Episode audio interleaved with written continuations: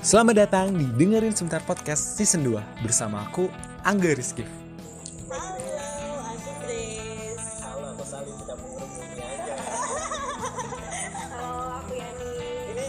Halo teman-teman, halo Angga. Eh, aku Karnia. Dekat biasanya sih eh, manggilnya Galang. Manggilnya Galang, kalau enggak Komo gitu. Di season ini bakalan banyak obrolan yang mungkin nggak pernah kita dengerin sebentar, padahal kita bisa lebih paham loh. eh, kita ada progresnya ya yang penting walaupun kecil tapi ada progres nah itu Jadi memang, oh, jadi memang banyak yang berubah deh saat. Jangan lupa pantengin terus episode terbaru dari Dengerin Sebentar Podcast only on Spotify gratis. Dengerin sebentar podcast, eh, dengerin sebentar. Ini juga paham. juga paham Oke, eh, halo halo semuanya. Eh, ketemu lagi di dengerin sebentar podcast. Dengerin sebentar, nanti juga paham masih sama aku Angga Rizky. Dan di bulan Januari ini kita sudah memasuki episode ke-20. Gila sih, sebenarnya nggak nyangka juga akhirnya bisa tembus sampai 20 episode. Kayak dulu tuh kayak hampir nggak nyangka aja sih bisa sejauh ini gitu kan. Dan di season ini seperti yang kemarin uh, aku uh, apa namanya sampai juga di season kali ini bakalan banyak banget narasumber yang mungkin obrolannya bakal lebih lagi lebih apa ya mungkin hal-hal yang di sekitar kita yang tadinya kita nggak dengerin kita bisa lebih paham lagi gitu. Nah di episode 20 ini aku uh, sudah bersama uh, narasumber aku hari ini. Uh, halo, selamat malam. Halo malam Kak Angga, apa kabar? agak formal banget ya aku halo selamat malam gitu ya se- berasa sama dosen gitu oke oke sebelumnya hari ini eh, aku akan ngobrol-ngobrol tentang beberapa apa ya eh, bisa dibilang tentang musik sih eh, bareng Mhm. Kavi mungkin boleh kenalan dulu kali ya sebelum eh, kita bahas hal-hal yang Oke. mungkin nanti aku tanyain gitu. Oke, thank you eh, Kak Angga buat kesempatannya. Aku juga sebelum perkenalan diri ya, aku eh, thank apa mau berterima kasih juga udah mengundang ya lumayan lah buat ngisi waktu malam minggu ya. Terus eh, ya kenalin teman-teman eh, pendengar semua. Jadi aku Kavi. Sebenarnya nama aku Haikal Kavi, tapi kalau musiknya kebanyakan tahu aku sebagai Kavi dan Messi Track ya. Terus em, aku sekarang lagi kuliah kampusku di UGM baru semester enggak udah nggak baru sih tinggal bentar lagi lulus lima eh, enam enam enam Eh, semester enam kaget juga sih udah mau KKN kayak gitu. Terus em, ya eh, as you know guys jadi aku eh, bisa dibilang jadi eh, seorang musisi juga. Aku suka musik dari kecil. Eh, terutama aku dari waktu SMP SMA tuh aku benar-benar belajar banget musik. Mungkin itu sih perkenalan singkatnya, eh, Kak Angga. Oke, sebelumnya aku juga makasih banget buat eh, Kavi ya malam minggu gitu mungkin mau jalan sama doinya mau digangguin buat rekod podcast. Oke, Santai. oke Kavi. Eh, mungkin tadi udah eh, sempat kenalan juga ya adalah sekarang adalah salah satu musisi di Jogja ya berarti ya. Mm-mm. Mm-mm. Aku juga kemarin eh, aku beberapa hari ini dengerin juga sih albumnya gitu kan biar mungkin ngobrolnya enak. Aku tahu nih aku harus ngomongin apa tentang kamu gitu kan. Nah, eh, sebenarnya aku juga mau ucapin selamat kemarin album baru ya. Judulnya Tak Iya, Seharusnya di pertama. Jogja. Di Album pertama. benar. Tak Seharusnya Album di pertama? Yogyakarta. Gila yes, sih. benar. Oke, nah ini sih ini mungkin eh agak ini ini enggak sih ini kan udah hampir dua dua tahun ya pandemi gitu kan ya dan aku juga salah satu cukup penikmat musik juga gitu kan terutama di Jogja. Aku sering banget dulu sebelum Hmm. pandemi ngikutin kayak gigs, konser-konser di kampus-kampus gitu-gitu kan. Nah, kalau Hmm. kalau kamu sendiri nih gitu kan sebelum kamu eh, bisa akhirnya ngeluarin album tadi kan udah apa sebelum kamu ngeluarin album ini pasti ada proses proses sebelum album itu Hmm. uh, rilis gitu kan mungkin itu sih yang bakalan aku bahas Iya. gitu nah dari pertamanya adalah tadi adalah suka musik dari kecil gitu ya. Iya, Nah, sukanya mungkin lebih kayak uh, kadang kan ada aku suka musik karena dulu aku uh, apa namanya suka ikut lomba-lomba terus aku menang akhirnya aku ya udah deh aku bikin lagu deh siapa tahu aku jadi musisi gitu atau gimana nih akhirnya bisa akhirnya bisa ya udah deh gue berani lah bikin album sendiri gitu Oke, uh, jadi sebenarnya uh, aku suka musik ya kayak kebiasaan anak kecil aja sih. Ada yang suka balet ya, mereka nari balet ya. Ada yang suka main bola, mereka ikut SSB gitu. Kalau aku sebenarnya simpel karena aku suka uh, musik dulu tuh aku inget banget aku tuh ngefans sama Ariel Peter Pan dulu masih Peter Pan tuh. Aku masih SD apa. Aku ngefans banget sama sama Ariel itu. Terus sama Rian The Massive tuh aku dengerin dengerin lagu mereka. Uh, kayak sebenarnya aku udah dikasih lagu tuh sama uh, bapakku tuh lagu-lagu luar sebenarnya kayak Rolling Stones, Mick Jagger, The Beatles gitu. Nah uh, akhirnya ya lambat uh, apa namanya sering berjalan waktu akhirnya aku tumbuh gitu ya SMP SMA jujur aku nggak pernah mau jadi seorang penyanyi gitu bahkan sampai sekarang pun aku kayak uh, to be a singer tuh is not my priority dalam hidup sebenarnya tapi lebih ke aku mau having fun aja di musik itu Iya, justru sebenarnya lebih dari itu. Aku pengen menjadi uh, pelaku industri musik. Aku pengen banget menjadi pelaku di industri musik dan itulah sebenarnya yang aku lakukan uh, sekarang juga. Aku uh, pelajari juga bagaimana record itu bekerja. Aku pelajari banyak hal di musik itu nggak cuman gimana cara produksi lagu, tapi gimana juga memasarkannya, gimana cara berafiliasi dengan pihak-pihak uh, stakeholder musik. Karena kan kalau kita bicara soal musik, apalagi bicara industri, kita harus tahu ya kayak rilisan fisik contohnya. Itu distributor oh ada loh distributornya. Siapa distributornya? Kayak gitu. Oh di mana distributornya? Di Jakarta di Jogja. Oh, siapa aja pelaku yang dan itu yang sedang aku uh, kerjakan ya. Jadi banyak lah yang aku kerjain. Sebenarnya di musik itu nggak hanya uh, musik itself tapi uh, industrinya juga. Dan akhirnya kenapa aku memberanikan ayo ya udah aku mau nyoba juga menjadi seorang singer. Karena aku mikir ketika aku yang menjadi pelaku uh, industri, aku harus nyobain banyak roles di musik gitu. Jadi salah satunya ya uh, to be a singer dulu gitu. Untuk menjadi seorang uh, pop star dulu gitu untuk menjadi seorang produser dulu gitu sebelum ke sana. Jadi ya ini yang aku sedang lakuin juga. Kayak gitu Kak Angga. Oke. Okay. Oke, okay. menarik sih ini berarti uh, lebih kepengen produksinya juga gitu enggak hanya aku mau jadi yeah. tapi gue juga gimana nih BTS-nya gitu ya gimana sih di balik layar akhirnya lagu ini bisa hmm. dibuat hmm. album ini bisa dibuat kayak gitu ya nah hmm. sebelumnya mungkin kamu pernah gak sih kayak cover cover lagu gitu kayak dulu kan zaman zaman Instagram 2018 19 kayak yang ngetek Indo Musikgram yeah. bikin cover terus bikin cover cover di yeah, yeah. gitu gitu pernah melakukan hal itu gak sih Oke, ini menarik sih. Uh, aku sering juga ditanya kayak gini. Hmm jadi uh, aku nih kan aku ngaku aku ngaku dosaku adalah aku nggak bisa nyanyi sebenarnya. Aku tuh nggak bisa nyanyi. Maksudnya kayak okay. aku bukan yang tipe aku terjun di hmm. industri musik ini bukan yang kayak aku suka cover. Aku nggak pernah cover terus tag Indo Musikgram atau tag uh, apa namanya Indonesian Idol tuh aku nggak pernah sama sekali gitu. Jadi hmm. bahkan ya bahkan kayak sampai sekarang tuh base aku adalah bukan bukan mereka yang uh, berkarir uh, menjadi seorang singer gitu ya tok gitu tapi aku benchmarkku keluar gitu kayak Kanye West terus uh, ya kebanyakan artis hip hop sih jadi mereka yang tadi aku bilang awalnya be more than musician gitu pada akhirnya jadi hmm. aku paham kelemahanku adalah aku nggak bisa nyanyi dengan baik gitu aku nggak tahu tekniknya kan nggak aku cuma bisa nulis lagu doang yang mungkin bisa relate sama orang gitu jadi ya musik itu sebenarnya simpel sih Kak Angga. Kalau Kak Angga mau jadi, mau jadi musisi juga bisa. Yang penting Kak Angga punya cerita atau keresahan yang mau diangkat. Musik itu kan sebenarnya lebih ke uh, perantaranya ya. Kayak misalnya let's say uh, aku juga bisa menjadi seorang penulis gitu. Aku juga bisa menjadi seorang pelukis. Tapi kan muaranya adalah di keresahan gitu. Muaranya ada di masalah.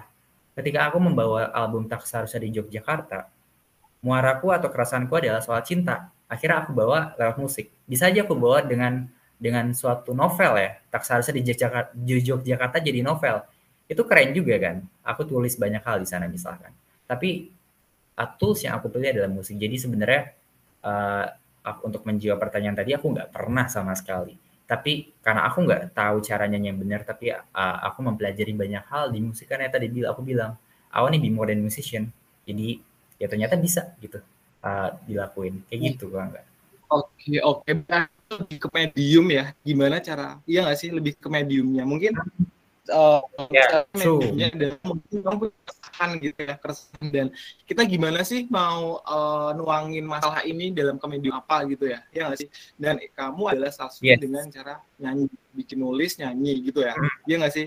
Kan ada ada juga uh, benar kata kamu benar ada juga yang misalnya punya keresahan gitu kan. Uh, terus aku pengen di tulisan aku ini aku bikin cerita ya kan terus ada juga aku pengen deh bikin film Yes. kayak gitu berarti ini salah adalah eh, sebenarnya ingin untuk eh, menuangkan keresahannya dengan cara bermusik itu sendiri. Gitu ya?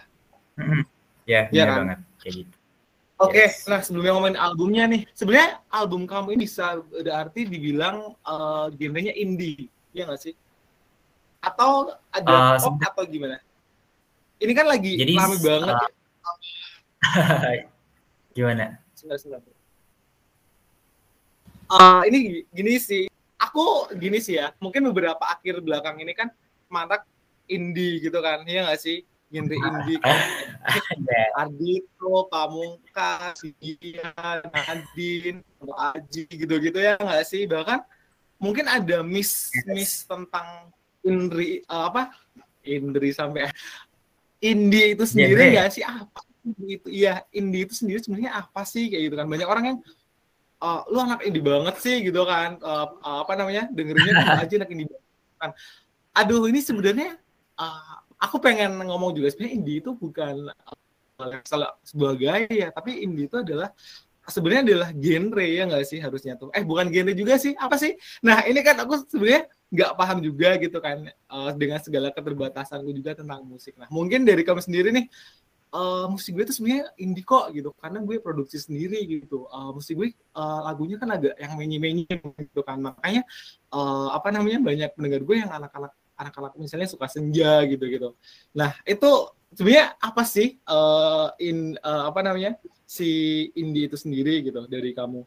Apa sih pemaknaannya Oke. sendiri? Itu mungkin buat juga nih yang nggak tahu oh indie itu ternyata ini ya oh indie ternyata itu gitu. Ya, eh, jadi tuh sebenarnya ada banyak eh, apa ya? ke- banyak yang salah tafsir sih menurutku indie itu. Jadi sebenarnya eh, kalau tadi dibilang ditanya soal albumku tuh genrenya apa, itu pop indie sebenarnya pop dan juga indie gitu. Indie itu sebenarnya Hmm. banyak artinya sih Kang. Jadi eh, indie juga adalah bagaimana cara seorang musisi untuk survive itu juga indie. Indie itu kan artinya independen.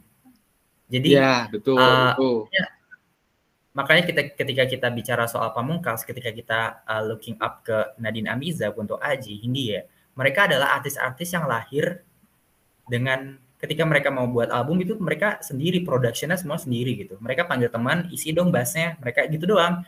Dan akhirnya di upload di Spotify. Dah tanpa ada campur tangan major label. Dan kalau kita bicara soal artis lain misalkan yang enggak indie ya kayak kayak siapa sih Eh Brisya Jodi misalkan itu kan dia dari Indonesian Idol. Terus kalau kita lihat Spotify-nya juga kita uh, kita tahu di situ major label yang terlibat. Dia bukan indie gitu kan. Makanya kita tahu juga dia bukan indie kan bukan artis indie kan.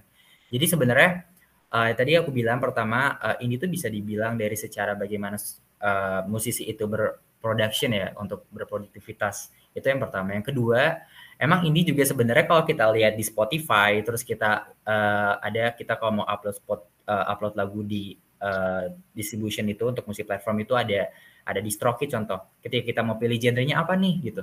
Ada juga ya genre itu genre indie. Jadi sebenarnya banyak banyak makna sih menurutku dan uh, di sini tinggal gimana penempatan ya ketika kita ditanya begini jawabnya berarti uh, ke hal yang ini kayak gitu kan enggak sesuai konteksnya ya yang ditanyain berarti ya tekstual benar. Iya nggak sih? Betul. Aku tuh sebenarnya gini sih, kadang ada yang eh, apa namanya, wah lu anak indie banget gitu. Ini kan itu dia bikin musik sendiri, produksi sendiri gitu kan. Itu bukan di sini. Bukan suatu yang Ya. anak indie gitu.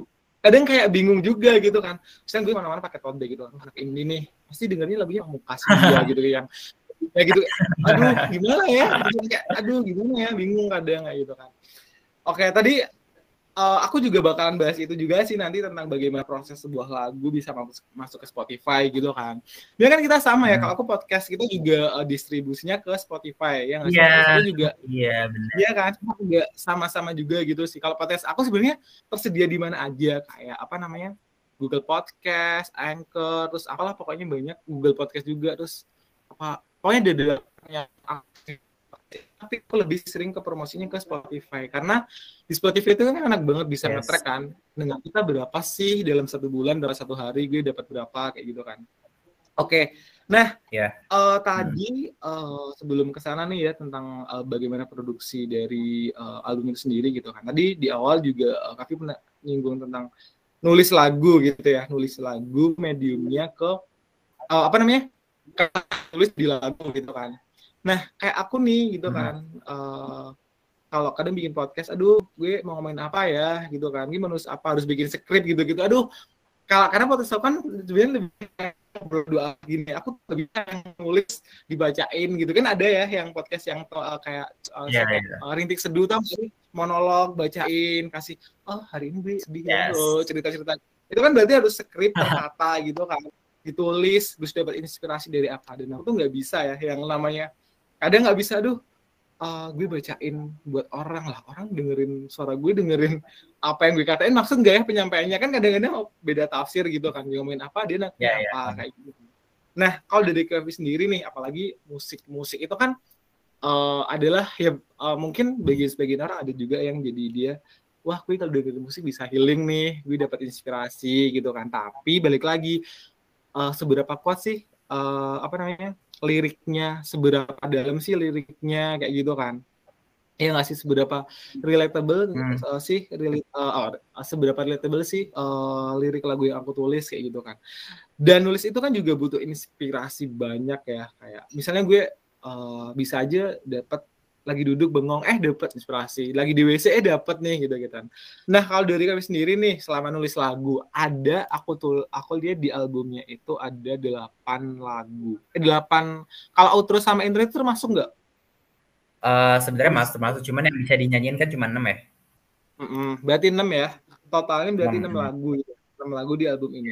Pasti kan banyak struggle-strugglenya juga nulis ini eh, lagu ini inspirasinya dari mana nih nulisnya eh, gimana nih biar bisa eh, apa namanya sebagus ini liriknya misalnya gitu nah dari Kev sendiri gimana sih kalau nulis lagu itu sendiri biar eh, terutama biar orang-orang relate, relate orang-orang bisa eh, mak tahu nih gue tuh nyanyi lagu ini nih gue nyampein ini nih gitu Ya, ya. hmm.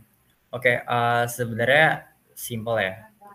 Eh, dibutuhkan kejujuran sih, Kak. Nggak jadi eh, ketika karya itu, ini banyak yang bilang sih, dan aku setuju. Musisi banyak yang bilang, eh, songwriter banyak yang bilang, ketika karya itu ka- kamu ceritakan atau tulis secara jujur, wah itu ngalir banget dan enak banget. Pasti maksudnya ketika aku buat tuh puas banget gitu. Jadi bukan yang kayak setengah-setengah, enggak.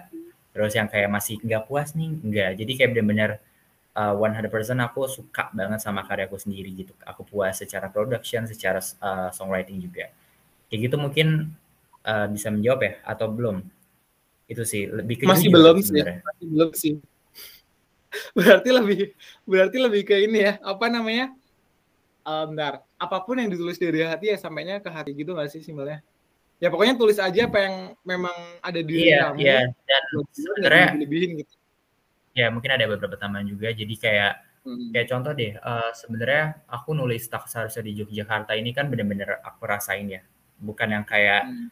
Aku nggak ngerasain tuh enggak. Aku bener-bener ngerasain momennya setiap tulisan itu bener-bener aku rasain. Sa- Salah satu contohnya ketika uh, di lirik uh, apa namanya uh, yang ditakutkan bulan itu track ketujuh itu aku bilang um, apa namanya hal yang semesti itu semoga terjadi itu tuh bener-bener aku dalam hatiku juga aku nulis itu tuh aku memang nungguin hal itu gitu jadi ya mungkin aku cerita dikit. Jadi album ini sebenarnya tentang tentang patah hatiku di Jogja. Jadi ya benar-benar aku alamin. Salah satunya di salah satu track tak, tak seharusnya di Yogyakarta ya aku alamin juga gitu.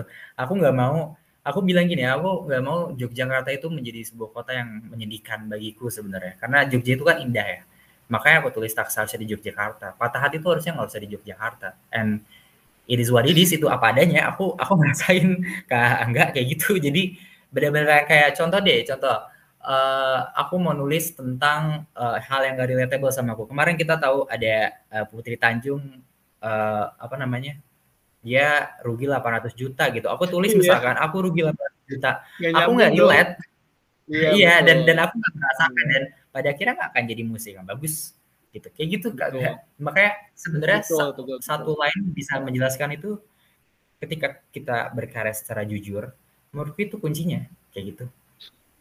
Betul betul. Paham sih paham sih paham. Jadi intinya nggak fake nggak settingan nggak yang eh, apa namanya? Ah, kadang kan ada ya ada gue bikin ini karena sesuatu misalnya ada sponsor ada duitnya lebih gede gitu kan. Tapi ya. ketika gue bawa ini gue nggak bisa gitu. Karena ada eh, ter- apa namanya tuntutan suatu hal yang lain gitu loh. Ini bukan gue banget. Tapi ya gimana? Duit misalnya duitnya gede popular- popularitasnya lebih gede karena ini gitu. Ya nggak sih viral karena Yes. ini tapi ini nggak gue banget gitu kan ya nggak sih oke Benar. Oke, oke berarti kejawab sih. Oke kejawab. Nah, eh, ini sih eh, apa namanya? Eh, tadi juga udah sempet album ya album. Nah, kalau Spotify itu kalau bikin podcast kan aku nih ya nanti aku record dulu, aku masukin ke Anchor, ya kan? Aku masukkan Anchor, aku edit, terus habis itu bisa ke publish eh, ke publish di Spotify gitu kan. Terus bebas nih, gue Yes. mau mau hari Senin, hari Minggu jam berapa bebas gitu kan, nggak ada hari khusus gitu kan. Nah, ini jadi pertanyaan Hmm. mungkin mungkin eh, kita ngomongin sekarang lebih ngomongin ke produksi lagunya gitu ya. Yang pertama adalah gimana sih akhirnya nih seorang misalnya gue ya, misalnya orang aku nih manusia biasa gitu pengen bikin lagu, tapi aku nggak tahu, aku aku nggak punya kenalan, aku nggak punya kenalan studio musik, aku nggak kenalan produser musik gitu, tapi aku pengen eh, lagu aku muncul di Spotify. Gimana tuh caranya? Oke, eh, sebenarnya ini lebih ke production juga ya. Jadi eh, Ya. production music itu kita let's say kita bagi ketiga ya. Ada pre-production, terus ada eh, production-nya sama ada post production. Nah, eh, ketika kita bicara soal uploading to Spotify, distributing to Spotify, it means we are on the post production gitu. Itu udah di post production. Jadi sebenarnya um, to be honest, kalau kita mau rekaman ya rekaman aja. Pertama kita nggak perlu nggak perlu kenalan nggak perlu gitu. Karena studio uh, mas-mas studio bakal senang kalau kita bayar. Kan kita gunain jasa ya. Gitu.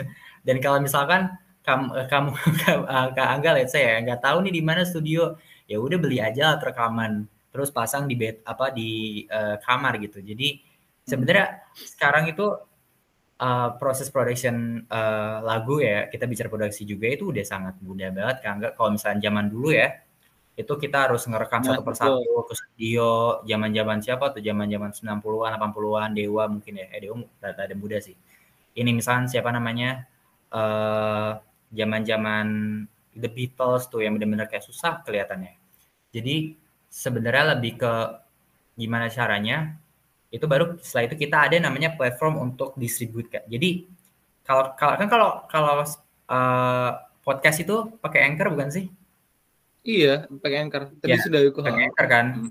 Itu udah disediain sama Spotify kan. Maksudnya udah gampang diakses Anchor itu, ya kan? Iya, Anchor itu adalah salah satu eh, milik Spotify juga gitu kan. Jadi Ya. apa namanya? Aku pokoknya aku ya sama sih sebenarnya aku rekaman bebas mau di mana, habis itu nanti diupload di Anchor. Nah dari Anchor nanti dia dis- distribusi ini mau ke Spotify, mau ke mana, pokoknya yang ada akses eh, bisa dengerin podcast kayak gitu.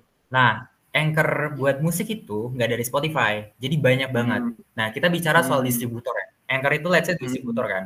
Nah, distributor kita Hmm. tuh banyak banget. Aku pakai salah satunya aku DistroKid. DistroKid jadi ah, itu bayar juga setahun itu sekian dolar. Eh, jadi kita upload di situ nanti baru ke Spotify, ke Apple Music, ke banyak. Jadi kayak gitu. Jadi eh, aku analogikannya ya, kalau Anchor itu punya spot, eh, podcast, kalau DistroKid ini atau eh, distributor banyak banget eh, mereknya itu untuk musik. Ya tinggal gitu doang sih dan ya once again nggak perlu nggak perlu kenalan. Yang penting bikin musik bagus dan upload gitu. Udah. Simpel banget sebenarnya. Nah, itu kan yang kita upload sendiri. Kita berarti kan Kavi kan kayak produksi sendiri apa apa sendiri gitu nggak sih? Iya nggak sih? Berarti kalau Yes. misalnya kita punya label nih, aku artis aku ada label gitu. Berarti nanti label label yang ngurusin hal itu atau gimana? Iya, kalau itu mah udah kita tinggal duduk nyaman dong. kalau udah ada label tuh Hmm. eh, istilahnya eh, label itu membantu manajemen ya, production ya gitu. Jadi makanya kenapa ada label menurutku satu, satu salah satu alasannya adalah meromantisasikan makna dari musisi itu sendiri. Musisi harusnya tinggal diem, nulis lagu, udah bener-bener berseni aja gitu. Nggak usah nggak usah mikirin manajemen, nggak usah mikir production gitu. Jadi bener-bener ya seniman ya, namanya seniman tuh ya gitulah. Jadi Ya. manajemen semua uh, production di uh, apa diurus sama label. Jadi kalau ada label, kita tinggal duduk manis saja gitu. Oke, ternyata eh, cukup mudah juga ya eh, untuk apa namanya? eh, untuk misalnya kita bikin lagu, kita upload di Spotify itu gampang gitu nggak sih? Iya Iya, sih? ya, udah gampang. Yes, Hmm. setuju Nah, oke. Oke, ini sekarang berarti eh, lagunya udah muncul nih di Spotify gitu kan, udah muncul di Spotify.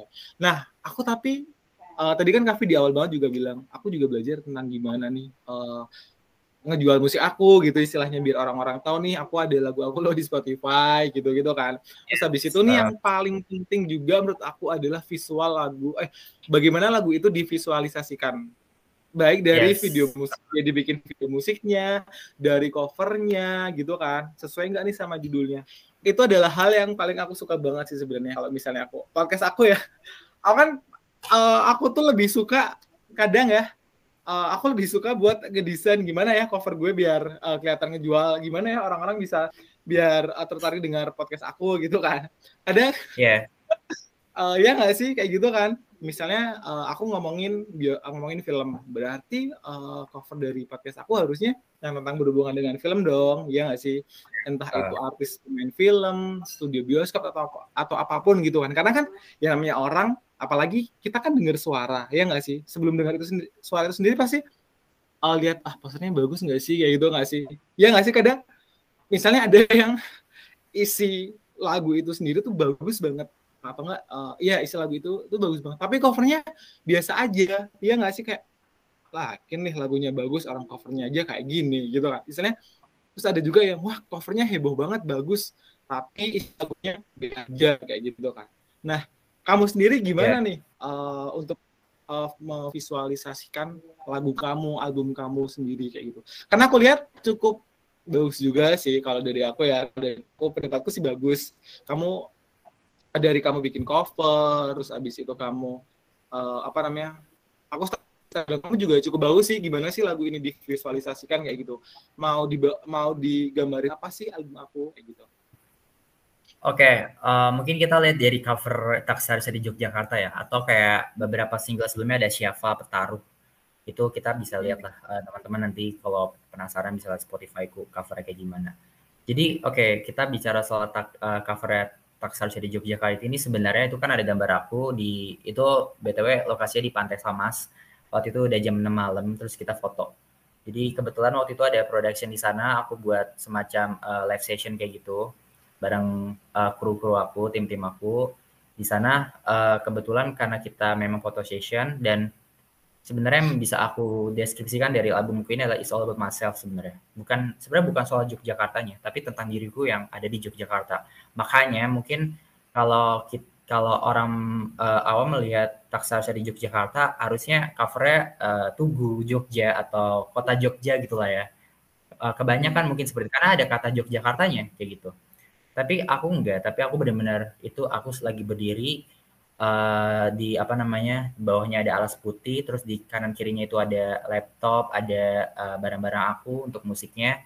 Itu sebenarnya menceritakan is all about myself. Jadi uh, itu ceritanya sebenarnya. Kayak apa yang aku lakukan di Yogyakarta dalam berkarya juga itu juga bisa dideskripsikan dari uh, gambar tersebut kayak gitu.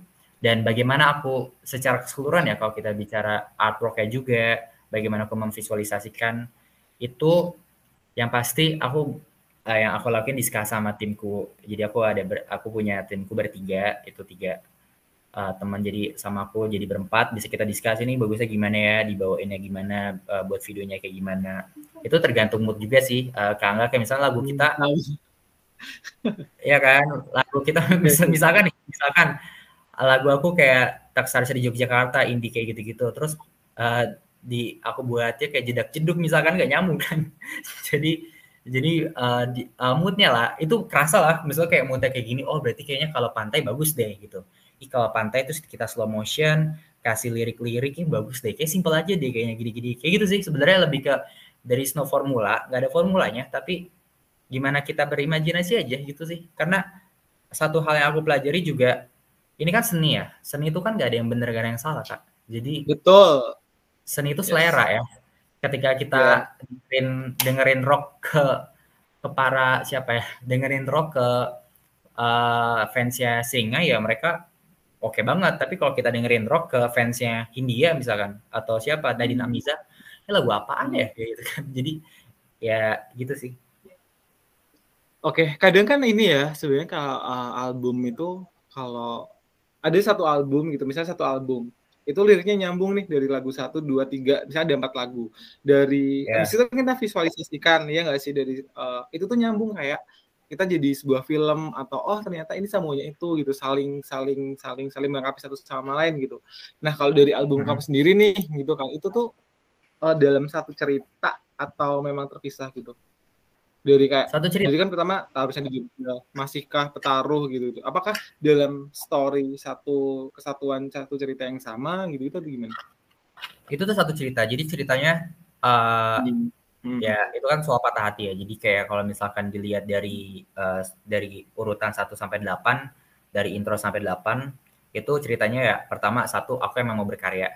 Ah, di situ ada voice note, aku emang eh, di Euro Festival kalau jadi aku sebenarnya hidupku tuh dia kayak yang penting aku eh, punya legacy dalam hidup jadi aku bisa dikenang gitu loh. Itu itu sebenarnya yang pengen pengen aku sampein di vo- voice note gitu loh. Jadi kalau aku, ah, kalau aku udah nggak ada nih suatu hari nggak ada di dunia ini, orang tuh Betul. tahu suaraku gitu. Orang tuh tahu apa yang yes. aku buat. Jadi ada ada jejak digitalnya dan ini musik menurutku ya. banget. Betul. Dan eh, kayak kita lah saya tadi bicara dari poin satu, poin dua itu kan taksara di Jakarta ya yang kedua. Nah itu sebenarnya lebih ke itu kan track sedih banget tuh. Jadi eh, moodnya tuh dari sedih ke bah- ke ikhlas bahagia gitu loh. Track ketujuh itu yang ditakutkan bulan aku bicara soal keikhlasan aku menerima apa yang udah terjadi dan eh, aku masih mau punya harapan untuk bersama dia lagi gitu loh. Jadi em, ya itu aku bisa bilang itu eh, apa namanya punya runtutan maknanya sendiri ya. Jadi nyambung itu kak enggak. Oke, aku sebenarnya jujur ya, ketika aku pertama kali dengar suara kamu, aku dengerin lagu kamu itu yang tak sering di Jakarta. Eh, hal yang pertama aku ingat adalah suaranya si Aras Buana. Tahu nggak Aras Buana? Oh tahu ya, aku follow itu keren orang. Iya, iya kayak aku kan ini tuh mirip siapa? eh, mirip siapa ya? Mirip siapa? Oh ternyata si Aras itu sih hampir yang dia kayak lagu ngomongnya kayak males-males gitu nggak sih? Namanya? Iya. Nyanyi itu kayak iya nggak sih? Nyanyinya kayak yang apa ya? Kayak mungkin kan ada yang bersemangat gitu, tapi itu kayak melo melo melonya tuh melo melo yang eh gitu-gitu loh gimana sih? Pokoknya yang melo melo itu nggak sih? Anjir ngakak. Terus ya sih itu sih yang pertama aku yang pertama aku dengerin gitu kan itu sih ketika ini.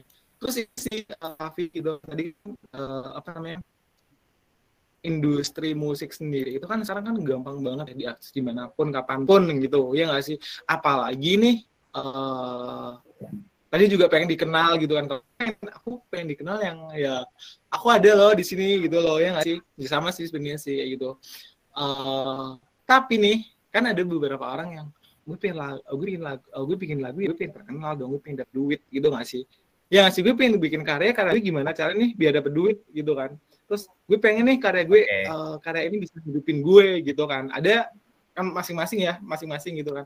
Ada ada juga musisi yang ya gue bikin, eh, gue nggak peduli nih lagu gue eh, famous atau enggak, didengerin orang atau enggak. Yang penting gue bisa eh, apa namanya? Eh, masalah gue bisa gue eh, jadiin medium dan mediumnya adalah di lagu itu sendiri gitu kan. Yang penting ya ya tadi yang kamu bilang itulah gitu kan. Nah, kalau dari kamu sendiri nih, kamu tipe musisi yang mana nih? Gue pengen atau kombinasi keduanya gitu. Atau ya gue pengen lagu gue juga pengen dapat duit, gue bisa hidupin dari karya Ah. gue gitu. Karena ini nanti bahasanya bakalan panjang nih kalau kita mantik yang seru seru ya. Seru sih Kak Angga ini pertanyaannya. Eh, aku tuh aku tuh sebenarnya nih ya. Em, aku deh sebenarnya aku tahu lah apa yang aku mau lakuin ke depan. Masa depanku tuh aku mau jadi apa tuh aku tahu. Jadi sebenarnya ini juga berkaitan sama eh, kerjaanku sekarang. Aku juga ngerjain apa itu juga berkaitan gitu. Jadi music itu sebenarnya menurutku adalah tools aku untuk bisa pertama bisa hidup doang, bukan secara finansial ya. Aku benar-benar aku nggak nih, um, aku tujuanku bermusik adalah having fun. Dah itu doang. Aku having fun doang. Aku nggak ada kayak apa namanya, nggak ada tujuan utamaku untuk fame, popularity, uang, power, respect tuh nggak ada. Karena menurutku uh, Ujian itu- fans gitu juga ya termasuknya. Iya, iya menurutku menurutku menurutku itu tuh bonus gitu loh Kangga. Jadi sebenarnya menurut oke. purpose-nya adalah ya udah having fun karena musik itu untuk having fun kok gitu. Uh, tapi kan karena ada industri, karena ada industrinya gitu. Akhirnya bagaimana entertain uh, apa musik ini menjadi sebuah entertainment tools untuk menghasilkan uang ya kan. Gimana caranya uh, ini juga menghasilkan fame kita dapat followers, kita dari situ kan kita bisa endorse misalkan di Instagram kita ya kan. Contohnya kayak gitu. Tapi balik lagi ke pertanyaan tadi, aku bukanlah tipe musisi yang men- mencari hal-hal yang itu karena ya tadi aku bilang itu tuh bonus. Tapi aku nggak munah ya. Ketika aku mendapatkan itu semua ya aku terima gitu. Jadi ya Iya dong. uh, itu tuh menurutku tetap bonus. Ya, purpose-ku tetap kayak aku having fun dan aku uh, bisa uh, komunikasi bersama orang lain. Aku ingin hanya ingin didengar, didengarkan aja menurutku udah udah udah udah purpose utamaku gitu udah udah ke achieve gitu. Didengerin sama Oke. teman-teman, sama keluarga Hmm. gitu. Oke, berarti lebih ke personal gitu ya jatuhnya nggak yang gue dapat duit biasa. gitu ya. Ya nggak sih, nggak yang nggak yang memang oke sekarang kita kebalikannya nih sekarang kita kebalikannya kita berandai-andai gitu seandainya nih ya seandainya gitu kan. Eh, apa namanya? Apalagi ini sekarang ya Indo, eh, TikTok lagi rame banget di mana-mana. TikTok rame Nah. YouTube rame Instagram rame. Apa pun bisa famous dengan cara yang sangat-sangat mudah gitu kan. Ya nggak sih? Mm-mm. ini sayangnya sih si Kavi nggak eh, tipe orang yang cover musik gitu kan. Bukan yang Ya, aku, aku dari nah kamu langsung gue suka bikin lagu udah selesai gitu kan. Eh, nah sekarang misalnya kita dari bawah banget nih Eh, seandainya nih cover gitu ya. Gue cover gue upload di TikTok ya nggak sih? Iseng-iseng doang. Eh FYP FYP gitu kan. FYP habis itu lagu gue eh, apa namanya? Dijadiin sound buat video-video di TikTok gitu kan. Yang tadinya nyanyi doang. Eh coveran gue banyak banget nih eh, yang pakai lagu gue gitu. Terus gue famous gitu kan. Andai berandai-andai aja sih. Habis itu habis itu itu kan berarti instan gak sih? Ya nggak sih? Ya mungkin ada proses eh, di baliknya tapi kan dengan itu ada yang pakai terus habis itu kita famous habis itu ada eh eh, cover lagu bagus juga nih gitu. Mau nggak eh, gue gue tawarin bikin lagu gitu kan. Kan ada musisi yang akhirnya dia terkenal wah ini musisi TikTok nih karena terkenal dari TikTok. Wah ini musisi, eh, musisi dari Instagram nih karena suka suka cover cover di Instagram kayak gitu. Mm-mm. Nah, dari kamu sendiri gimana sih? Eh, misalnya, mungkin a- kamu juga tahu gitu kan, eh, menanggapi hal-hal yang eh, musisi-musisi atau lagu atau orang-orang yang nggak sengaja, eh akhirnya dia famous, dapat duit kayak gitu kan. Terus akhirnya ada juga ya, dia nggak bisa dia dia nggak bisa bikin lagu, eh bukan, dia nggak bisa nyanyi, tapi dia eh, karena dia mungkin free, eh, apa namanya? ringan akhirnya terkenal padahal dia nggak bisa nyanyi kayak gitu. Itu gimana nih menurut kamu?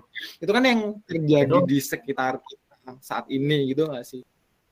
Ya, ya benar. Hmm. Eh, itu sebenarnya mengingatkan aku ke zaman perdijian ya. Jadi eh, ini sorry kalau misalkan 18 plus, tapi kan kita tahu ya DJ DJ itu banyak cewek-cewek yang seksi gitu tau gak sih?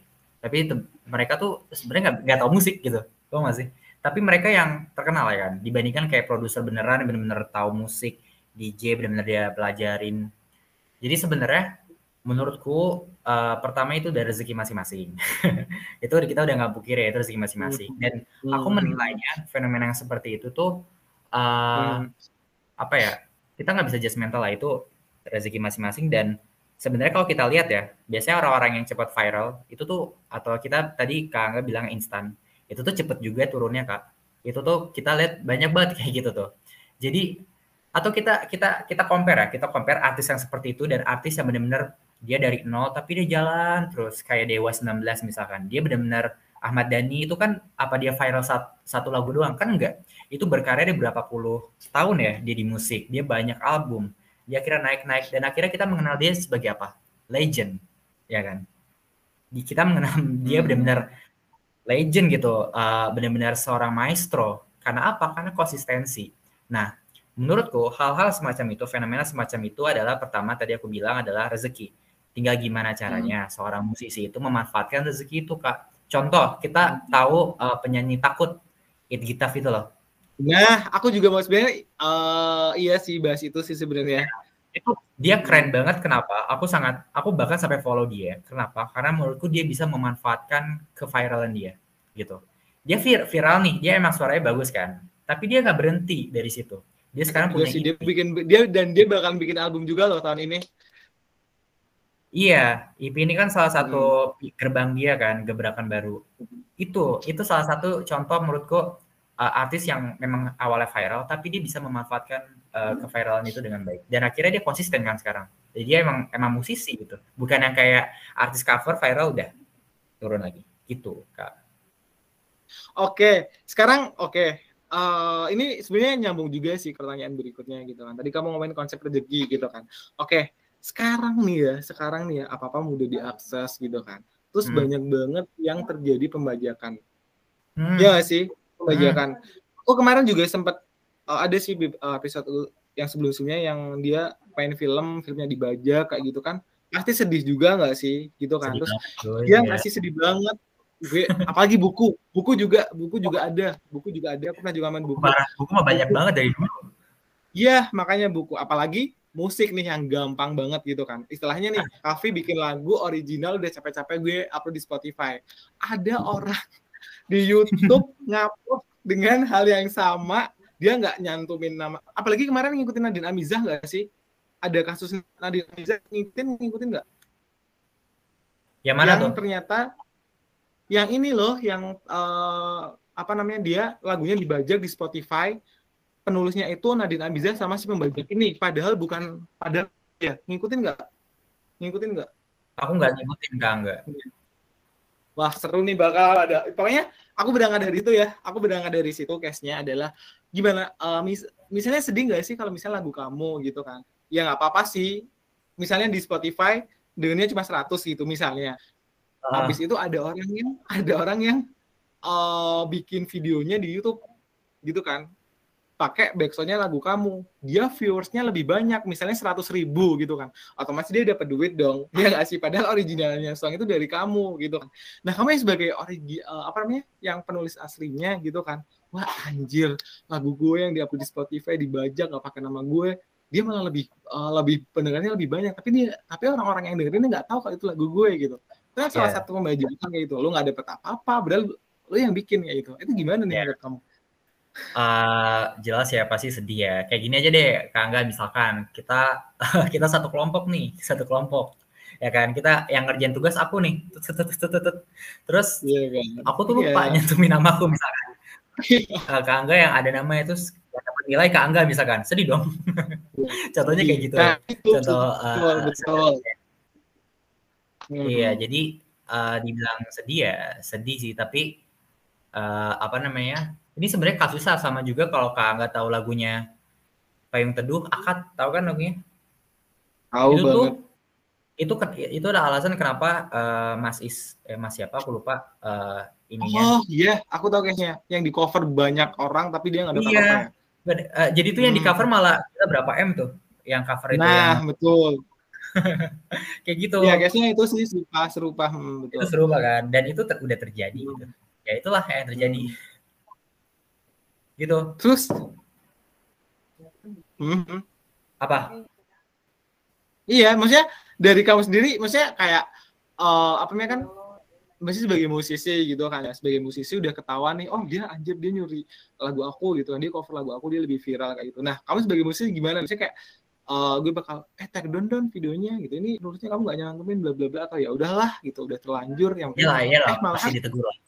Pasti ditegur. Hmm, pasti terus itu hmm, pasti pertama ditegur gimana caranya kalau misalkan dia benar-benar nggak take down ya itu bisa dibawa ke hukum kak soalnya kan copyright itu ada undang-undangnya juga serem sih itu tapi Oke. jangan sampai Eh, terus ini sih juga tentang eh, royalti musik. Aku sebenarnya nggak tahu sih. Jujur ini yang pengen banget aku tanyain. Mungkin dari kamu sendiri nih tahu gitu kan sebagai pelaku industri musik gitu kan. Kayak kalau misalnya, let's say kita bikin podcast, aku bikin podcast kan aku nggak dapet duit nih, iya nggak sih? Aku dapet, Iya. aku nggak dapet duit, iya kan kecuali kecuali aku misalnya dapat ya tadi kayak endorse, oh aku mau dong produk aku di uh, di styling di podcast kamu gitu bla bla nanti aku kasih berapa deh. Nah, sebenarnya kamu tahu nggak sih kalau dari kalau dari uh, musisi-musisi sendiri itu kan sebenarnya kalau misalnya upload upload di Spotify itu sebenarnya dapat duit nggak sih? Kita dapat royalti nggak sih berapa persen gitu gitu? Itu sih yang mungkin pengen aku tanya juga. Ya, jadi, jadi sebenarnya uh, royalti itu udah diatur sama distributor. Tadi aku bilang distributor. Itu udah ada Hmm. uh, ya, agreement-nya itu udah ada semuanya. Tapi kalau misalnya aku bilang uh, Hmm. so far itu aku belum pernah dapat royalti. Kenapa? Karena nggak kerasa ro- royalti royaltiku. Jadi kalau misalkan uh, Kak Angga, aku punya satu akun Spotify juga. Jadi aku ada sebenarnya ada dua produk. Ada Kavi sama Hmm. Messi Track. Messi Track ini waktu itu lumayan lah listener lebih banyak daripada Kavi. Dan Oke, oh, itu aku lupa ditanya di awal sih tadi. Aku lupa sorry, aku lupa tanya di awal karena kan kamu Messi Truk gitu ya. Kok Kavi Messi Truk? Aku kira orang yang sama, ternyata beda. Oh iya, iya, aku sama kayak Cafe Mes, cuman eh, brandingku beda. Itu pertama. Terus lagu juga beda-beda. Oke, Jadi tadi Hindia itu nggak sih? Hindia sama Baskara gitu ya? ah, Hindia sama Fizz sama Baskara ya Oh iya, oh. Iya Eh, kayak oh, gitu. sorry sorry Hindia sama Fizz gitu ya case-nya. Iya, iya, benar. Hmm. Gimana gimana? Oke.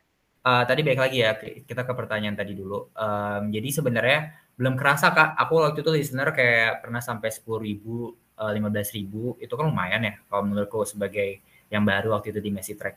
Itu belum kerasa kak. Jadi kerasa itu kalau mau kerasa ya, kalau mau makan enak nih sebagai musisi dapat royalti dari Spotify.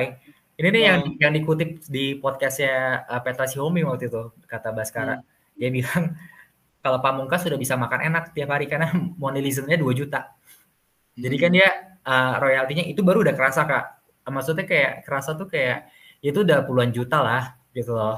Itu udah kerasa. Kalau misalkan aku masih waktu itu 15 ribu money listener 10 ribu. Sekarang cafe aja baru ratusan. Itu mah beli gorengan juga belum dapat kayaknya. Itu aku itu itu hitungannya gimana sih? Hitungannya tuh per apa gitu? Per kamu dapat listener banyak atau apa? Biar Setahu dapat ya, duitnya gitu ya? Setahu aku uh, Kangga juga salah, uh, bisa googling. Aku takut salah ya, correct me I'm wrong. Nanti kalau Hmm. misalkan Kangga di Google. Hmm. Itu 0,008 dolar apa salah. Kecil banget satu satu kali stream. Berapa berarti? Oh, jadi Oh, oke oke. Jadi Boleh. misalnya aku dengerin lagu ini sampai selesai. Iya, iya. Iya. Iya, sampai selesai ah. Hmm, terus Itu dapat 0,00 sekian dolar. Aku lupa berapa. anjir satu dolar aja sebelas ribu. Nol kamu berapa dong itu? Ibaratnya kayak Seribu 1000 perak, 2000 perak lah. Hmm. Makanya nggak kerasa aku bilang kalau misalkan masih segitu mah. Makanya dan sebenarnya apalagi kita bicara soal musik di Indonesia ya. Beda sama Hmm. luar. Kalau luar tuh gila royaltinya. mak- Makanya kenapa Justin Bieber bisa sekaya itu? Kak enggak Justin Bieber, DJ Khalid, Kanye West kalau kita lihat artis-artis eh, di apa namanya di Holly apa namanya di Los Angeles gitu ya. Eh benar-benar artis besar itu benar-benar kaya itu benar-benar kaya banget musisi itu kaya. Di sini kan nggak nggak segitunya gitu musisi itu. Jadi Hmm. kebanyakan musisi kaya itu kalau di Indonesia kalau aku perhatiin ya, ini juga asumsiku doang sih belum tentu benar. Itu ya karena Hmm. mereka dapat banyak uang dari konser kan nggak sama dari merchandise kayak gitu. Oke, oke, oke. Konser tuh banyak uangnya. Hmm. Oke, oke, oke. Nah, pas banget sih kamu ngomongin konser. Berarti lebih ini ya. eh, aku baru aku thank you ya. Ini aku eh, ternyata musisi itu dapat uangnya berdasarkan satu kali kita dengerin lagu sampai selesai belum selesai, baru dia eh, ke-track kalau misalnya eh, ada duitnya gitu ya. Iya nggak sih? Ya, ya. Hmm, oke oke oke oke oke. Nah, benar tadi nih ya eh, ke pertanyaan selanjutnya tentang ngomongin konser gitu kan. Aduh, sumpah sih aku juga aku kemarin lihat story kamu, kamu sempet ngisi kayak jadi mungkin eh, ngisi gigs kayak gitu atau ngisi Iya. ngisi kayak pensi gitu-gitu. Itu gimana ceritanya?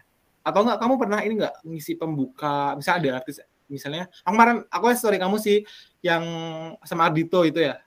Yang pokoknya ada Ardhito. ada ada Ardito deh. Oh, itu kamu jadi pembuka lagunya tuh gimana tuh? Dan gini sih, lebih ke gini sih. Aku nggak tahu ya eh, di Jogja itu gimana sih orang-orang misalnya di pensi ya, pensi. Pensi misalnya aku ngundang Raisa gitu kan. Nah, sebelum ngundang Raisa pasti sebelum ke bintang utamanya aku harus ada musisi-musisi lokal di daerah itu ya nggak sih? Maksudnya Ya, buat pembuka, buat pembuka, buat pembuka kayak gitu-gitu. Nah, itu tuh orang-orang yang orang-orang yang dia tahu ada ada ada ada ada musisi ini di kota tersebut itu apakah ada memang eh, komunitasnya atau gimana? Agak ap- misalnya oh Kavi uh, oh Kavi penyanyi ya udah jadi di pensi aku gitu itu gimana caranya biar mereka tahu jadi sebenarnya oke ini kita bicara soal culture ya uh, hmm. kemarin aku baru banget kak enggak jadi aku tuh hmm. mau ngadain hearing session di Jogja dan aku mau disclaimer dulu aku tuh bukan orang Jogja aku orang Bogor aku kuliah di Jogja hmm. jadi hmm. kelihatan uh, sih jadi uh, pas aku kemarin mau hearing session aku persiapan aku kemarin suruh datang dulu ke kafe tersebut. Ada dekat kosku. Nah dia bilang jadi perbe perbedaan culture antara uh, musisi di Jogja dan Jakarta kalau Jakarta tuh udah udah kebanyakan kayak aku dengar dari dia ya maksudnya aku juga nggak tahu ini benar atau salah gitu. Aku takutnya hmm. uh, bikin misinformasi gitu. Kalau di Jakarta tuh kebanyakan kayak kalau mau collab itu uang uang uang dan uang gitu tapi kalau misalkan di uh, apa namanya di Jogja itu based on community kak. Jadi benar-benar waktu nah. itu benar-benar based on community banget. Jadi aku waktu itu kemarin kan datang hearing session ya. Itu tuh aku nggak kenal yang artisnya siapa itu nggak kenal. Tapi benar-benar kayak gimana dia menyapa kita gitu ya. Terus abis itu itu tuh benar-benar merangkul gitu loh. Eh kamu seniman, kamu punya lagu. Oh ya coba sini dengerin deh. Oh ini bagus nih, ini kurangnya ini. Nanti besok gue ada ada konser lu datang ya opening. Itu itu kayak gitu. Jadi proses-proses kayak contoh ada um, konser di Jogja.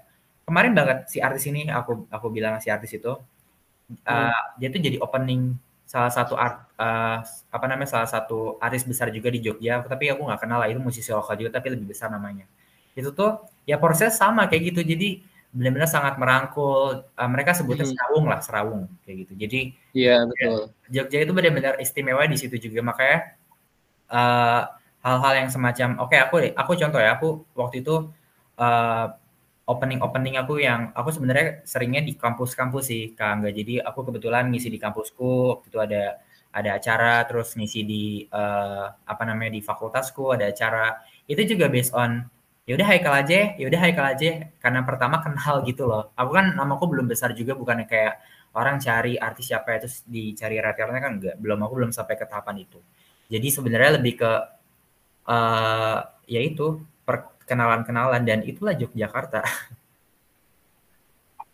Oke oke oke. Paham paham paham. Nah tadi Kavi juga bilang uh, berarti kalau di Jogja itu kan lebih ke komunitas ya kita saling kenal kayak gitu nggak sih?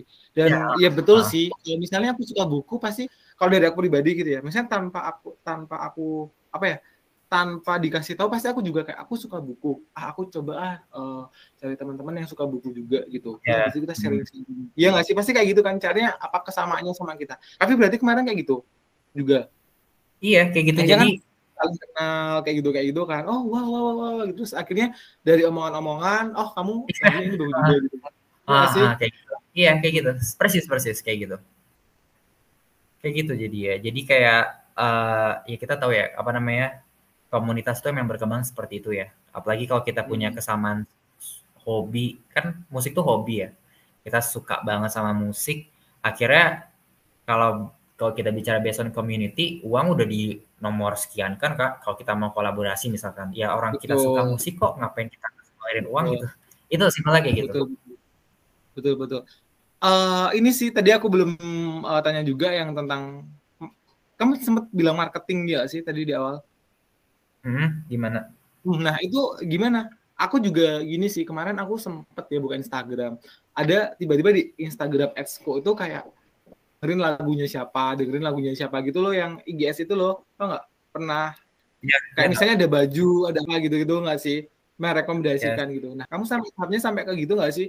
Biar makin orang denger aku, aku bikin Instagram ads ah, terus nanti ngelink ke Spotify aku atau enggak kamu uh, apa namanya ya pokoknya gimana caranya kamu biar orang-orang kenal sama aku kayak gitu kenal sama lagu aku kenal sama okay. kayak aku gitu selain ikut gigs gitu nah terus juga waktu ketika kamu ngisi gigs apakah kamu masih uh, kemarin-kemarin nih ya sebelum uh, sebelum keluarin album kamu pakai uh, lagu orang lain atau kamu bawain lagu kamu gitu? Wah ini uh, ini lagu aku sendiri semoga kalian suka gitu tuh. Gimana tuh kemarin? Oke okay, kalau kalau so far kami juga ya di gitu? Oke, okay uh, ini hmm. uh, Kang. Kalau so far tuh aku sebenarnya untuk marketing itu uh, aku bedain ya ada offline sama online. Kalau online marketingku tuh sebenarnya aku juga pakai IG Ads, tapi belum sempat karena ada nanti konten aku yang mau aku IG Ads tuh ada. Jadi kan kalau kita mau IG Ads kan satu satu postingan doang ya. Jadi kita harus pilih-pilih mana yang kira-kira pamungkas gitu. Itu aku pakai juga. Terus uh, online marketing yang lain juga aku kirimin press releaseku ke media-media. Itu sebenarnya nggak terlalu ngaruh Oh. sih secara secara exposure tuh nggak ngaruh banget karena aku udah sering banget juga ngirim dan diposting di repost sama mereka itu sebenarnya nggak ngaruh banget uh, yang ngaruh banget tuh sebenarnya offline offline marketing jadi makanya kemarin aku tadi bilang uh, aku bakal ngadain hearing session uh, di Jogja mungkin ini promo juga ya di tanggal 17 Kapan nih? Februari Kapan nih? 17 Februari aku bakal ngadain hearing session di salah satu cafe uh, Jogja. Uh, jadi di situ aku bakal bahas soal, soal album, co-production dan selain dan bagai apa dan macam-macamnya. Dan itulah yang paling efektif menurutku dibandingkan semua cara marketingku. Kenapa? Karena di situ aku bisa dapat relasi baru dan relasi baruku ini bisa nganterin aku ke relasinya lebih bagus lagi, lebih bagus lagi. Nah, yang pengen aku garis bawahi relasi di ini adalah bukan exposure, Kak. Jadi bukan bukan followers Instagram, tapi orang-orang bukan uh, uh, maksudnya kayak di sini adalah orang-orang yang let's say aku bakal berelasi sama orang-orang yang punya konser, vendor-vendor, aku bakal berelasi sama produser-produser ternama di Jogja. Nah, dari situ kan aku juga bisa punya karya lebih bagus kayak gitu. Dari situ exposure yang namanya followers bakal ngikutin. Jadi sebenarnya uh, sekarang uh, caraku adalah aku pengen ngupas tuntas, aku pengen kenalan banyak sama uh, musisi-musisi keren di Jogja, pelaku industri musik di Jogja dulu sebelum menurutku kayak aku kurang pantas aja gitu kalau udah dikenal sama orang dan aku belum belum ibaratnya kalau bahasa Jawa tuh sowan dulu ke mereka-mereka itu. Jadi aku aku lagi Betul, ngelakuin betul, hal betul, betul. kayak gitu kan enggak. Betul sih, betul betul betul betul. Ibaratnya gue famous tapi gue gue famous ke, ke semua i- i- isi Indonesia gitu. Tapi orang-orang di sana aku nggak tahu siapa, ya nggak sih? Iya, iya dan dan gini deh, kayak gini deh, uh, simpelnya gini. Ketika kita ingin meng- apa namanya? Ketika kita bicara soal karir ya, bicara soal karir uh, di musik terutama gitu. Ya, aku harus punya kenalan sama bos-bos label Kak gitu. Iya, harus betul, betul dong. Betul. gitu sebelum aku ke ke lini-lini yang aku bilang tadi pasar-pasarku kayak gitu sih menurutku uh, itu yang perlu diperhatiin juga mungkin ya buat yang ngedengerin ini kalau lagi merintis karir musik gitu. Betul, betul, betul, betul. Oke. Eh ada nggak sih satu nama di Jogja musisi yang pengen banget kamu temui atau enggak satu orang yang pengen ya s- sekedar ngobrol-ngobrol ah gimana nih ah, musik gini gini bla bla bla. Kita ada nggak sih musik di Jogja? Sebutin deh yang kamu tahu dan misalnya eh, dan kamu suka ada nggak? Pengen collab Aku tuh mau dia gitu atau Hmm. Aku sebenarnya kalau collab eh, nggak ke musisi Jogja karena kalau aku cari exposure eh, itu aku pasti ngajak collabnya musisi Bandung Jakarta. Tapi kalau Jogja itu aku tadi aku bilang sowan-sowan aku harus punya kenalan. Hmm. Eh, aku tuh pengen banget sowan ke eh Shagidog Kak. Tuh kan legend banget di Jogja. Dan temanku tuh kenal dan aku tuh pengen banget sowan Hmm. kayak gitu dan Di orangnya keren-keren. Saidan itu ya. Iya. Wah, wah itu keren-keren Aku orangnya kan. Aku perhatiin dari tadi kamu ini ya musiknya lebih ke yang dulu-dulu banget ya kayak Dewa. 19 gitu gitu ya. Lebih ke lebih ke orang-orang yang dulu gitu ya. Ada nggak sih satu orang uh, musisi gitu ya di Indonesia yang kamu suka banget itu? Mungkin Dewa 19 itu tadi ya. Atau siapa gitu. Eh, jadi sebenarnya semenjak aku memproduksi Kayak- Kafu, Hmm. uh, Kafu ini kan lagu bahasa Indonesia, terus lagunya juga uh, rada ngeband juga gitu, indie juga, uh, Indonesia banget lah. Dari situ aku banyak ngulik emang musik Indonesia. Beda sama waktu aku Messi Track. Messi Track itu aku nguliknya pasti uh, hip hop nowadays gitu loh, yang bener-bener kita siapa sih tahu Drake, Kanye West. Tapi tetap sampai sekarang juga aku dengerin mereka-mereka gitu. Jadi uh, Oke, mungkin tadi balik lagi pertanyaan siapa sih musisi Indonesia yang paling aku ngefans?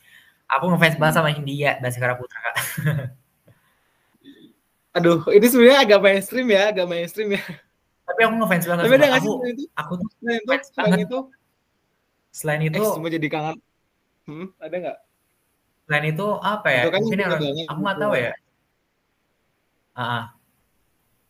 Em, siapa yang nggak tahu ya itu doang. Aku kok aku tuh suka banget sama India udah itu dong uh, terlalu suka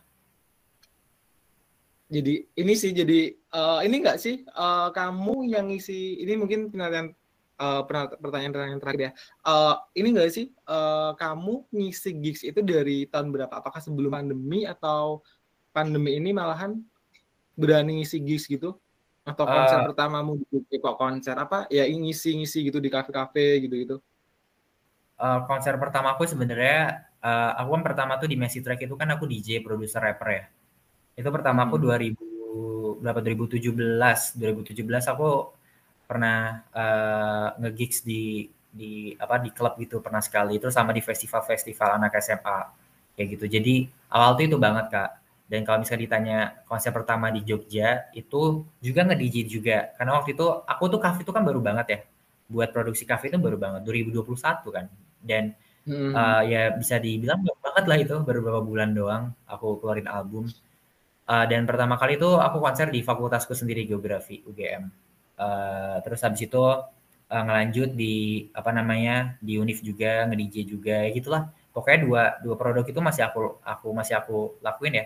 Messi track nge-DJ sama uh, itu aku nyanyi gitu. Ngomongin offline juga nih kapan nih terakhir tapi kayaknya sudah mulai ini ya, sudah sudah kamu sudah mulai uh, nonton konser offline gitu selama 2021 ini. Belum, aku belum, Kapan belum lihat. Belum, malah belum. 2020? Belum, aku terakhir terakhir aku kalau misalkan nonton konser ya, terakhir tuh aku nonton konser 2020 apa 2019, 2020 kayak Pamungkas waktu itu di di Jogja apa di mall itu. Oh, aku terakhir aku terakhir bulan Januari 2020 di UGM juga yang acaranya ada Hindia, Ardito Hindia. Oh, di PKKH ya? Iya, di PKKH apa ya namanya? Itu sih terakhir itu benar-benar ih gila sih itu nggak kebayang kalau besoknya dua bulan setelahnya kita pandemi itu sumpah sih cancel semua aku juga termasuk yang suka sih ngikutin tapi tergantung artisnya juga sih tapi kalau memang Hindia ini benar sih dia memang menurut aku dia apa ya selain pinter juga kalau dari sebenarnya kalau jujur kalau boleh jujur ya kalau dia nyanyi on offline gitu kadang nggak bagus suaranya kayak kayak uh, gitu-gitu nggak sih? Ada yang dia pernah nonton di net. Kakak ah oh ya ya itu dia nggak sih? hujat yang di net. Iya makanya anjir gak enak banget gitu kan. Kadang tuh aku worry gitu lah kadang udah deh Mas India ini uh, apa namanya Mas Baskara kamu kayaknya lebih cocok online dia emang pokoknya nggak kelihatan mukamu offline gitu. Kan offline tuh kadang dia uh, dia juga pernah ngisi di kantorku kan. Dia uh, kita diundang di kantorku dia nyanyi gitu kan. Dan itu menurut aku agak uh, agak ini juga sih agak nggak bagus gitu. Nggak sebagus dia ketika nyanyi ya lagu-lagunya dia gitu loh dibanding dia offline. Hmm. tapi kalau dari dia ini memang ya yang aku ini adalah lirik-liriknya sih benar-benar yang relate benar-benar yang sederhana. Apalagi dia ngikut kamu nggak ngikutin nggak yang yang terakhir ini dia bikin sama Tristan Juliano apa namanya? Lomba sihir. Ya lomba sihir. Itu juga aku cukup ngikutin juga, juga sih lagu-lagunya. Mungkin takut perubahan itu juga salah satu yang aku suka sih. album Selamat Datang. Ya album Selamat Datang. Selamat Datang di ujung dunia ya betul itu. Oke mungkin uh, udah hampir satu jam ya kita ngobrol-ngobrol. Kayaknya udah udah semua hampir ini kalau sebenarnya kalau pengen ngobrolin semuanya nggak nggak cukup sih. Dua jam tiga jam nggak akan cukup gitu. Tapi ya? karena keterbatasan durasi juga tapi aku cukup uh, thank you banget tadi kita udah bahas tentang ini. Itu sebenarnya apa kayak gitu. Proses dibalik gimana kita uh, produksi lagu gimana kita menanggapi juga musisi-musisi instan royalty copyright gitu-gitu kan. Terus mm-hmm. yang terakhir mungkin ini sih uh, apa namanya ini kelas banget sih mungkin. Mungkin ya dikit kayak apa sih kayak harapan kayak mungkin harapan-harapan kamu gitu? Apalagi ini masih pandemi gitu kan mungkin banyak banyak juga uh, teman-teman di sana yang pengen kayak uh, berkarya gitu kan berkarya tapi pengennya ditonton secara or, uh, ketemu orang langsung kayak gitu loh. Nah dari kamu sendiri sebagai musisi gitu kan sebagai yang uh, ngisi gigs gitu tuh ada nggak sih harapan-harapan kamu uh, yang khusus gitu untuk industri musik ini biar gimana sih industri musik ini tetap berjalan apa pun badainya gitu kan. Apalagi kemarin musisi-musisi apalagi di 2020 2021 kan kemarin benar online semua gitu kan. Yang mungkin ada juga yang lagi merintis baru band aduh baru dikenal. Eh tiba-tiba online. Ya udah deh gue nggak dapet duit. Apalagi apalagi juga ada orang-orang yang mungkin gue kalau kafe kan tadi mungkin uh, apa namanya uh, ininya nggak duit gitu lah duit gitu. Kan yeah. kan ya aku pengen gue pengen dari duit gue ngisi ngisi di kafe gue ngisi ngisi di mana pokoknya gue nyanyi gue udah duit gitu itu dari kamu gimana nih harapan atau mungkin apa ya yang pengen kesan yang kamu ceritain gitu? Oke. Okay. Paham kan ya uh, mas gitu? Oke, okay, aku coba menjawab ya, uh, Kang. Jadi hmm. sebenarnya, oke, okay, aku mungkin bisa membagi menjadi dua macam harapan ya. Pertama harapan secara personal aku ke diriku sendiri sama buat musisi lain ya. Kalau hmm. harapan ke diriku sendiri sebenarnya aku tuh ada rencana besar uh, di tahun ini adalah aku mau bermanuver pria kak. Jadi aku mau manuver ke fashion juga.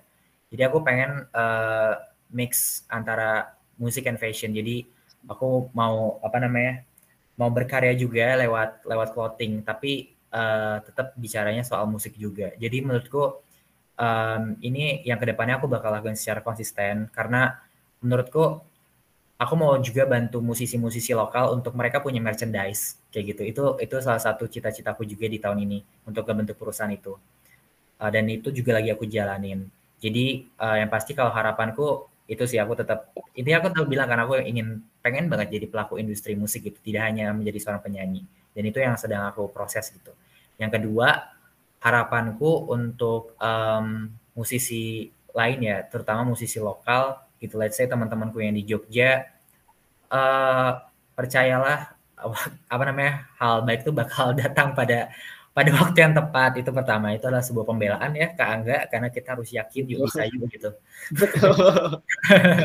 Jadi kalau kalian lagi lagi bokeh terus kalian kayak perlu apa namanya perlu uang ya mungkin uh, tetap berusaha untuk tawarin uh, jasa kalian untuk nyanyi ke kafe-kafe karena oke okay, kalau Jogja tuh banyak banget kafenya btw jadi tempatnya banyak deh kalau yeah. kalau Jogja coffee shop gitu gitu ya. Hmm. coffee shop banyak banget kalau Jogja ya ampun nah uh, iya keluar ibarat keluarga udah coffee shop gitu ya iya aduh banyak banget bingung aku juga terus uh, tetap tetap berkarya lah kalau maksudnya kayak uh, ya kita tahu lah Indonesia bukan negara maju ya kayak kalau kita lihat musisi kayak itu di negara maju Aduh, kan. jadi berat nih kalau ngomongin itu. Oke oke.